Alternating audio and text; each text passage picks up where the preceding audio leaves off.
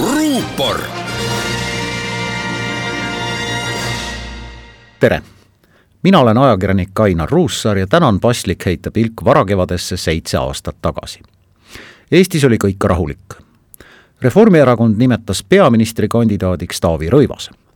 Keskerakonna esimees ja Tallinna linnapea Edgar Savisaar pidas Venemaal kõne ja väitis, et okupatsioonid on avaldanud Eesti rahvastikule vähem negatiivset mõju kui paremliberaalsete võimulolek kahekümne aasta jooksul.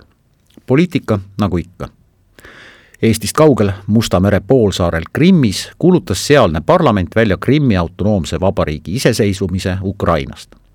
enne seda oli Krimmi poolsaare juba okupeerinud Venemaa ja Ukraina loovutas selle ala ilma ühegi lasuta Krimmi annekteerimine ei olnud tehniliselt Venemaa jaoks kuigi keeruline ülesanne seal asuvas Sevastopoli mereväebaasis oli niikuinii alaliselt kohal kakskümmend viis tuhat Venemaa sõjaväelast.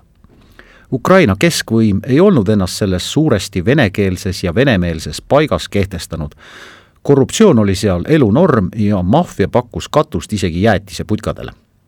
ühesõnaga, Krimm oli ja on oma meelsuselt ja ka väljanägemiselt ikkagi rohkem Venemaa ja isegi Nõukogude Liidu nägu, mitte Ukraina nägu Venemaa osaks sai Krimm tuhande seitsmesaja kaheksakümne kolmandal aastal Türgi sõja ajal.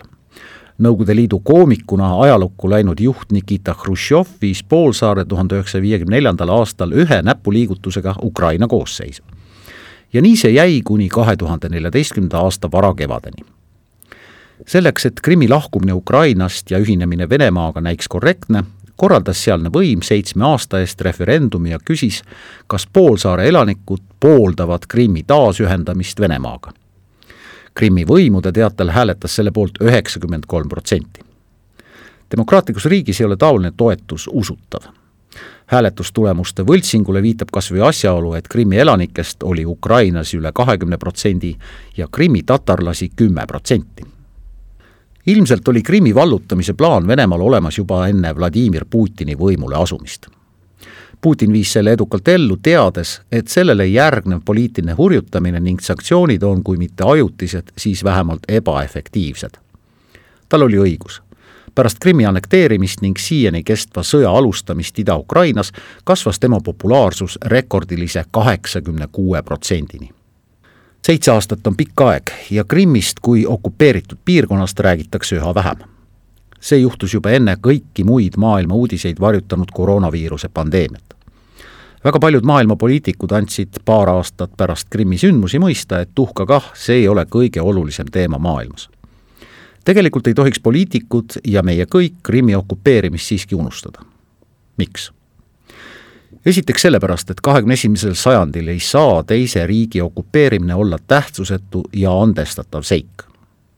teiseks sellepärast, et Putini populaarsus on tänaseks langenud neljakümne kaheksa protsendini.